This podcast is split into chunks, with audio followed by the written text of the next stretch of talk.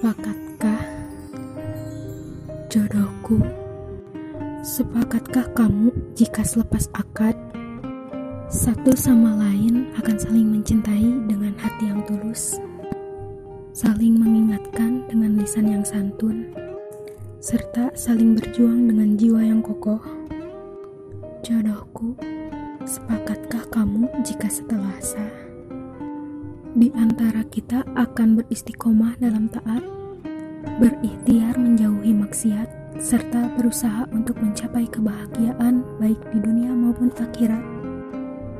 Juga sepakatkah wahai kamu yang masih rahasia, jika seusai resmi nanti, aku dan kamu akan saling memaafkan atas kesalahan, saling memaklumi atas kekurangan, serta bersedia mengubah kebiasaan buruk agar menjadi baik dan lebih baik lagi?